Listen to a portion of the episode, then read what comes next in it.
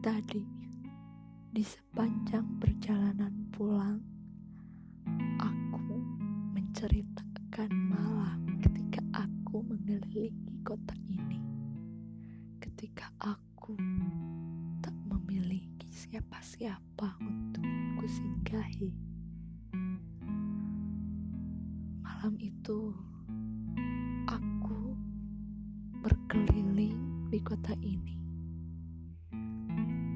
menceritakan kepadamu betapa hebatnya malam ketika ia menggantikan siang.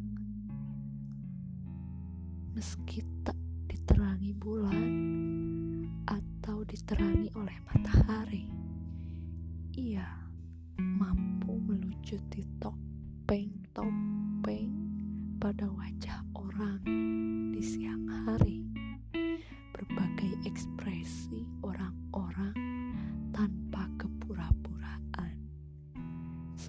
keputusasaan, lelah. Ada pula yang masih gigih mengais-ngais sampah agar bisa dijual, dan ada yang rela dipandang sampah agar ada yang mau membeli. Pelacur-pelacur itu berdiri di pilar-pilar pasar di tengah kota. Oh, beginilah ekspresi sebenarnya sebuah kota. Sepi karena sedikitnya aktivitas malam.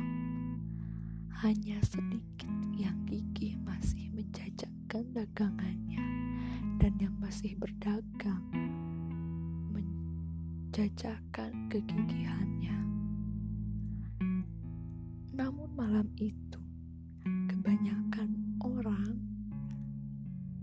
telah berada di sarangnya, melindungi diri dari yang namanya pandemi.